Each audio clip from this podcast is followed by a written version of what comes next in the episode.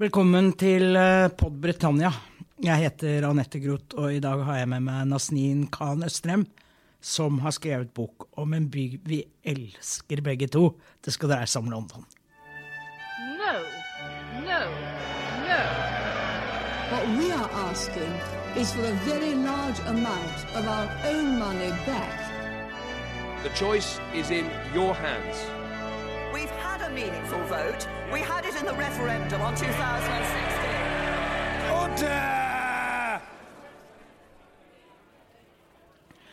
Uh, Nasneen Khan Østrøm, du bor jo her i landet, uh, i Oslo. Men eh, det er vel London som er din by? Ja, hjertet mitt, ligger i, hjertet mitt ligger i London. Jeg må dessverre innrømme det, selv om jeg har bodd i Norge nesten hele livet mitt. Så, men jeg klarer aldri å fri meg for at jeg mentalt beveger meg i London nesten hver dag. Hvordan var, eh, hvordan var ditt møte med London? Hvor kom eh, du og familien din fra? Ja, altså min, eh, Grunnen til at boken min heter jo 'Og barn av det britiske imperiet', er jo fordi mine, min familie er jo et produkt av det britiske imperiet. Vi kom til Storbritannia i 1970 fra Kenya, hvor foreldrene mine er født, hvor jeg også er født. Um, så vi kom da til England i 1970, men da flyttet vi til Surrey til, um, og bosatte oss der. Så jeg har, aldri, jeg har, aldri, vokst opp i London som barn. Jeg har bodd og studert der uh, når jeg ble eldre, men jeg har aldri hatt gleden av å vokse opp der som mine fettere og kusiner har gjort det. Du heter altså Nasnin Khan Østrem, og med et navn som Nasnin Khan så er ikke familien din opprinnelig fra Kenya? Nei. det, får, det får sønnene mine høre ofte når de sier at mamma er fra Kenya. Da ser de bare veldig rart på dem. Fordi sønnene mine absolutt ikke ser kenyanske ut. Men um, min familie kom, eller mine besteforeldre reiste da fra britisk, eh, britisk India um, til britisk Øst-Afrika i forbindelse med at britene bygget ut jernbanen sin i britisk Øst-Afrika. De var embetsfolk og jobbet som byråkrater for koloniadministrasjonen i det som var britisk Øst-Afrika på den tiden. Um, så det er på en måte røttene mine. Men vi er opprinnelig, sånn, hvis man går til det minste bestanddelen hvor liksom DNA og det etnisiteten kommer fra, så er det fra Afghanistan, pashtunerne. Men de har jo også en Afghanistan er jo en ganske ung nasjon, egentlig, og det glemmer folk veldig eh, når man snakker om områdene i det man kaller det indiske subkontinent. Det er jo et veldig fragmentert område med veldig mange nasjoner som, er relativt unge av opprinnelse. Men som vi skjønner, du er et barn av det britiske imperiet, og du er også britisk statsborger selv om du bor her. Du, da jeg gikk på skolen, så hørte vi om Amerika som den store melting pot, smeltedigelen, mm. hvor alle nasjoner kom sammen. Men det er jammen London også, en smeltedigel. Å oh ja, definitivt. Jeg, pleier å si at hvis du bare står stille og bare ser på hvilken som helst London-gate, så vil du se folk fra absolutt hele verden.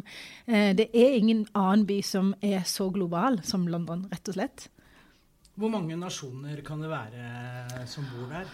Jeg pleier bare å si hele verden. og det er jo Visstnok så skal det være uh, 300 språk i den byen. Um, så det, og kanskje det er enda flere med alle de dialektene som faktisk finnes innenfor hver, hver, lærer sånn språkgruppe. Det, det, er jo mange av oss som tenker at vi kjenner jo London, men uh, når man har lest boken din, så skjønner man at uh, selv jeg som har bodd her i nesten ti år, skjønner at det er veldig mye mer jeg bør uh, oppdage. Og jeg pleier å se på London som en samling med landsbyer. Mm. Og du tar oss jo med til uh, flere av dem. Lille Punjab og Banglatown og det kan ikke ha vært lett å velge ut hvor du skulle dra? Nei, men jeg har en sånn altså jeg, jeg studerte uh, internasjonal politikk på LSI i London um, tidlig på 2000-tallet. Ja, London School of Economics. Og da tok jeg også en grad i Urban Studies. Um, og det som var veldig sånn gjennomgående i min tilnærming um, til dette med by og identitet og London som sådan, uh, var at visse innvandrergrupper har påvirket London mer enn noen andre. Så de ni gruppene jeg har valgt ut, har jeg valgt ut pga. at de har satt de dypeste sporene. Som f.eks. irene pleier, har jeg åpnet et kapittel med, og det var en grunn til det. Det er fordi irene fysisk har bygget denne byen. Eh, mens f.eks. kariberne har laget lyden av London for meg. De er lyden av opprør og lyden av musikken. Mens eh, de ortodokse jødene er på en måte en veldig distinkt gruppe gruppe i London som har også dype spor i den byen. Og det er sånn jeg har valgt ut hver, hver gruppe. Men uh, mens jeg holdt på med boken, så sa redaktøren min på et tidspunkt Hvor mange bind vil du egentlig skrive? og jeg var, sånn, jeg var strålt over ideen. Han mente det som en spøk, men jeg tok det på alvor. Så jeg kunne jo ha skrevet om veldig mye. Sånn Chinatown har jeg bare viet en bitte liten del, og jeg kunne jo skrevet så mye om kinesernes forhold til London, men eh, det får bli et annet prosjekt. Jeg som bodde i Kilburn i mange år, jeg Ja. likte jo godt at du um, begynte med irene. Det, det blir jo ofte kalt County of Kilburn. ja, ikke sant? Fordi at, eh, at det er så tett knyttet Ja. til, eh, til Irland. Men du har med deg vestafrikansk, Mm. du har russisk, du har polsk. Det er, det er ganske mange. Og det er Det som slår meg, er at du- er i alle samfunnslag.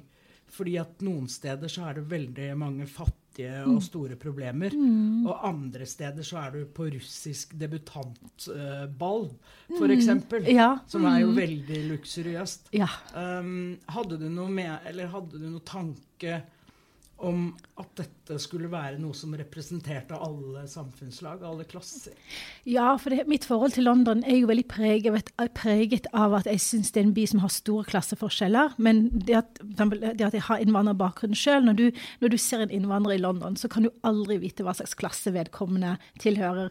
Eh, For har, det er en helt annen historie med innvandring enn i Norge, f.eks. For, eksempel. for her, hvis du møter en innvandrer av en viss type med pakistansk bakgrunn eller marokkansk bakgrunn, så er sjansen ganske stor for at de har en, en klassisk uh, arbeidsinnvandrerbakgrunn.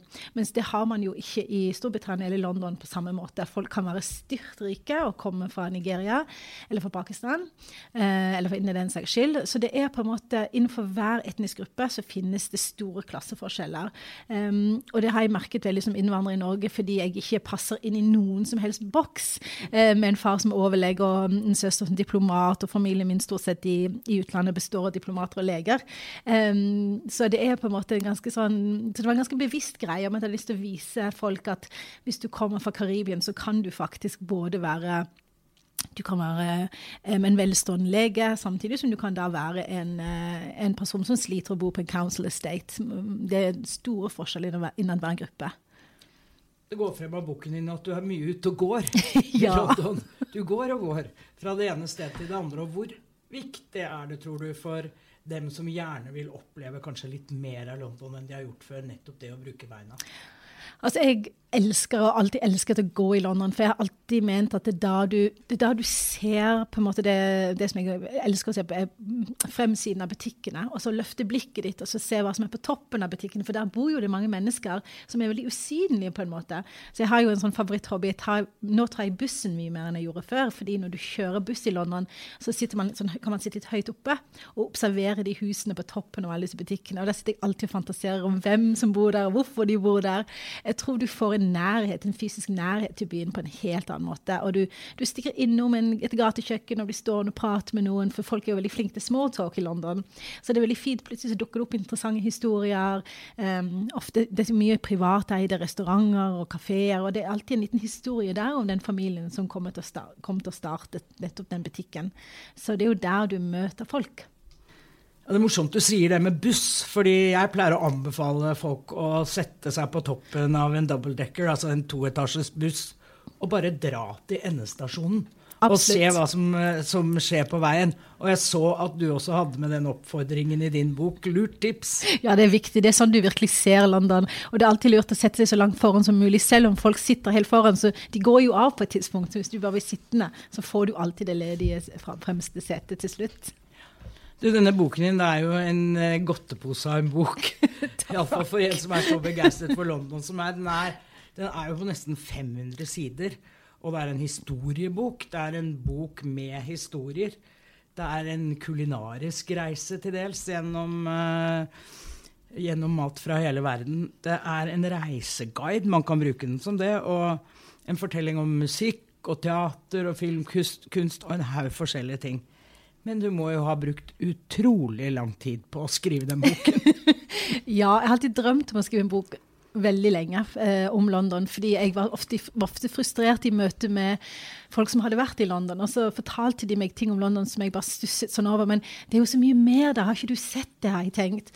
Um, og nettopp fordi jeg har vært veldig interessert i, um, i dette som heter Urban Studies, så har jeg nått ruget på denne boken veldig lenge. Jeg har jo lest veldig mye om London. Og så var jeg så heldig å fikk et treårig stipend, stipend fra Norsk fagfor, fagforfatter- og oversetterforening, som deler ut disse stipendene eh, hvert år. Og når jeg fikk det stipendet, så skjønte jeg at nå har jeg muligheten til å virkelig realisere denne drømmen Så jeg har brukt veldig mye tid, og det har vært eh, perioder hvor jeg har vært dypt frustrert og ligget over kjøkkenbordet og hylt og skreik og tenkt i alle dager holder jeg på med? For det har jo vært noen researchdager hvor jeg har krysset London på på tvers opptil flere ganger i løpet av en dag fordi man har så mange intervjuavtaler, og man, man, skal bare gå i den ene gaten for å være sikker på at man har sett gaten korrekt, eller man skal gå og møte vedkommende en gang til.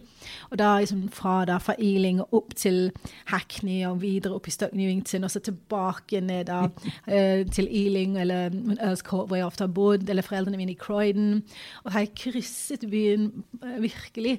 Så um, og de periodene hvor jeg har bodd hos foreldrene mine, de har jo vært helt hoderistende. Jeg har dratt ut tidlig tidlig på morgenen, kommet igjen nærmere midnatt. Og de bare 'Hva er det du har holdt på med?' Men du ville lage en bok om det London som vi vanligvis ikke ser. Altså turister går, og det er Tower of London, og det er London Eye, og parlamentet og Madame Tussauds og alt dette her. Men du ville lage noe annet. Og hvorfor var det viktig for deg? Det var viktig for meg fordi Storbritannias og Londons historie er så um, altså Den er jo formet av det britiske imperiet. Um, du kan ikke stå foran um, en, en, så banal ting som um, som Big Ben eller House of Parliament uten å vite om den britiske eh, imperiets historie og hva det har betydd for London, for de to tingene henger så tett sammen. Så det var også en balansekunst i boken at jeg ikke brukte side opp og side ned om kolonihistorie, for den boken handler jo også om kolonihistorie. Så jeg måtte avveie det hele tiden. Og jeg tenkte at jeg har lyst til å gi folk en annen dimensjon når de går i gatene. At de kan føle at dette er en by som hele verden har vært med og skapt. Og ikke minst, det kan jeg ikke stikke under en stol, fordi eh, på en måte det innvandringspolitiske har blitt så betent de siste årene. Så jeg hadde veldig lyst til å vise fram hva eh, innvandring kan bety for en by, og hvilken rikdom det faktisk representerer. For nå er jo på en måte den nasjonalismen på full vei framover, og for meg er det et stort tap. Vi, vi, vi, risikerer å miste så mye ved å bli så homogene som nasjoner og som byer. Så det var jo et lite Det ligger jo en diskré ideologisk forankring der. Men i boken din så viser du også at den type nasjonalisme og eh, til dels fascisme eh, også fantes i gamle dager. Absolutt. det er ikke, det er ikke et nytt fenomen. Nei, det er jo, vi mennesker er jo lunefulle sånn, for å si det sånn. Men samtidig, det som har eh, overrasket meg, at London, til tross for at det bor så mye forskjellige folk der, så bor folk for, stort sett i harmoni med hverandre. De går på skoler, de er naboer. De, de, de har en, en, gjensidig respekt for hverandre i stor, stor grad, med tanke på at London er en såpass stor by og så kompleks, så burde jo egentlig det vært borgerkrig hele tiden hvis man skulle fulgt de fleste mm. innvandringskritikerne. Men det er jo ikke tilfellet. De opprørene som skjer i Storbritannia eller i London, er jo pga. klassekonflikter, pga. fattigdom, ikke pga. nasjonalisme. Så det syns jeg er noe man bør ta med seg. Og så har altså London fått en uh, muslimsk borgermester. Hvem skulle trodd det for noen år siden? Nei, det kan du si. Sadiq Khan er jo en, uh, en stor helt av meg. Jeg syns hans, uh, hans, retorikk av 'We are all Londoners, London is open' synes jeg er virkelig ord som gir gjenklang. Um, som jeg syns er veldig viktige. Og han har jo vært veldig opptatt nå i disse brexit-tider og har sånn egen, et eget arrangement i City Hall hvor EU-borgere ble invitert og skulle liksom vise at dette var en del av London også. Og ingen steder vises det vel så bra som på Trafalgar Square, hvor alle de religiøse gruppene har sin, sine høytider, og han står der og sammen med de ortodokse jødene, han står der sammen med, med hinduer, han står der med alle religioner og bare viser hvor mangfoldig London er. Og det syns jeg hører til en sjeldenhet at en, en, en borgermester gjør på den måten der. Du, vi som har et forhold til den byen, har jo kanskje noen sånn øyeblikk som vi husker. Jeg kommer f.eks. aldri til å glemme da jeg som 15-årig eh, Beatles-fan, veldig stor Beatles-fan, gikk ned Carnaby Street i London og følte meg som en del av noe som var mye større. Har du noen sånne øyeblikk? Ja, jeg har jo et sånt øyeblikk i, i Brixton. Første gangen jeg var der etter opptøyene um, i 1981. Da sneik jeg jo meg til Brixton uten lov. og når jeg gikk opp trappa der og bare så en, så en helt annen del av London enn jeg noensinne har sett, det var veldig sånn røft, og det var mørkt, og det var tøft. Og det har jo satt dype spor i meg. Det er jo fremdeles en bydel som er mitt absolutte favorittsted. Um, så det må jeg si var en sånn vendepunkt i mitt forhold, forhold til London. Hvorfor er Brixton en favoritt? Um, det, jeg pleier å kalle Brixton en rebelsk øy, fordi det er en by som har gjennomgått store forandringer. Eh, og byfornyelse har vært veldig viktig i forandringen av Brixton. Men det finnes en gruppe mennesker eh, som, er, som, bor i Brixton, som på en måte kjemper imot den type byfornyelse som på en måte visker ut forskjeller, og som gjør byen veldig sånn generisk. Eller bydelen veldig generisk. Så du har på en måte en karibisk kultur som står veldig sterkt der. Du har Bob Marley Way, um, og du har um, i Brixton Village så er det mye karibisk kultur, og det er mye egenart. Og det er derfor jeg liker å gå der. Karibisk kultur, ja, jeg kjenner godt til Notting Hill. Og der er det jo karibisk eh, karneval, ja. som er veldig morsomt i august eh, hvert år. Mm. Så det er en sånn folkelig, folkelig, tradisjon som du har med. Men så har du også med altså, et debutantball for russere. Det er jo russere som investerer, oligarker som investerer i boliger i London boliger de ikke alltid bor i, bare for å ha sagt det. Mm. Men de driver på med svære, luksuriøse greier, så det er ganske sterke kontraster du har der, da. Ja, altså russerne er jo en veldig interessant gruppe, for de kom jo til London på 90-tallet for alvor etter mm, i forbindelse med oppløsning av Sovjet. Og de har jo fysisk kjøpt opp denne byen som da irene har bygget. Og spesielt de store, store hus som ligger i de rike delene av Knightsbridge og Mayfair og sånt, har de bare kjøpt opp som investeringer, rett og slett. Man kan jo lure på hvor hvitvaskede de pengene er. Det, det, finnes jo det har vært flere dokumentarprogrammer i London i det siste som BBC Channel har produsert, som har vist at disse husene brukes aktivt som hvitvasking. Eh, og det er store deler av veldig sånne fine områder som var veldig livlige før, som nå er helt døde fordi det ikke bor mennesker der lenger. Og det er ikke bare russerne sin feil. Kineserne kommer inn, og, og nå kommer jo også Araberne har jo alltid vært der. Så det er jo en by der rike folk rett og slett eh, De kjøper jo hus som vi kjøper eh, sokker, nesten. Ja. Jeg traff en, en, eh, en, bygningsarbeider fra Bedford som fortalte meg om alle disse husene og leilighetene han bygde, og at, som han sa, Kanskje det kommer til å bo eh, folk i dem permanent i en tredjedel. Mm. Og det, han syntes jo det var helt grusomt. Og det er jo en av de utviklingstrekkene i London som iallfall ikke jeg liker noe særlig. Nei, jeg syns det har vært veldig trist å, å, registrere at byen har på en måte har mistet sin egenart pga. De, de pengene. Men nå prøver jo myndighetene i, i Storbritannia nå å gå etter disse, disse pengene. Og det, er blitt stilt, det bestilles stadig strengere krav nå til huskjøp i, i London, heldigvis. Eh, det er kanskje mye for folk som skal reise til London og lese nesten 500 sider før de drar. Men har du noe, har du noe tips du kan, eh, kan, gi til noen? Eller hva de skal se etter for å, for å få litt mer ut av London-oppholdet enn det vanlige firkantede? Ja, altså jeg tenker det å bare ta T-banen, eller bussen for den saks skyld, ut av typisk sånn sone 1 og sone 2, og bare finne et sted på kartet, og så bare drar man dit, og så går man litt rundt. Eh, når man drar til Hackney, så er det jo veldig populært å dra til sånn type Shoreditch og Brick Lane, men sidegatene til Brick Lane, og hvis man går litt lenger, opp, lenger øst, så finner man andre bydeler som har har sin historie og sin um, Som holder på å endre seg. Så jeg føler veldig sterkt at det jeg prøvde å gjøre med boken min, var å fange en tidsepoke som er i ferd med å forsvinne. Um, og den, en, av til jeg, sånn, en av grunnene til jeg virkelig skrev denne boken, var fordi min onkel, som dessverre nettopp har gått, nettopp har gått fra oss, han bodde i samme gate i Wilson Green siden 1960. Og der var hele verden samlet. Og det er en generasjon nå som nå holder på å forsvinne. Og de sitter på disse historiene fra etter andre verdenskrig. Um, og det er derfor jeg har prøvd å fange noen av disse historiene i, i boken min. Og det er en bit av London nå som holder på å smuldre vekk, og det gjør meg veldig trist. Og det er nettopp derfor jeg føler at folk må komme seg ut og møte de litt eldre, spesielt de litt eldre London-folkene som kommer fra, fra andre steder enn en England. Og så må de ikke være redd for å prate med folk. Nei, England er det lett å prate med folk i London. Folk elsker jo å prate sammen i London, og det er på en måte noe med lave skuldre i den byen som jeg liker veldig godt. Det er ikke noe problem å sitte på en buss og begynne å prate med nabomannen din på, på bussettet.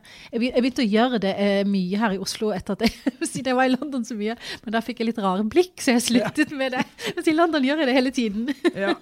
Smalltalk er eh, noe man er god på. Eh, du har kalt det et øyeblikksbilde, men samtidig så er det jo veldig mye historie i dette. Og eh, jeg har lyst til å slutte med en mann som levde på 1700-tallet. Det er veldig kjent, da. Samuel Johnson.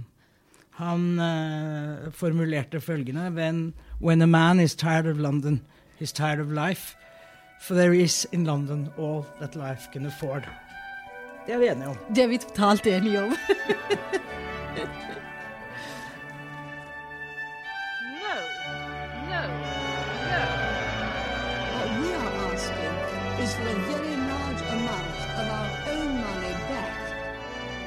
choice is in your hands.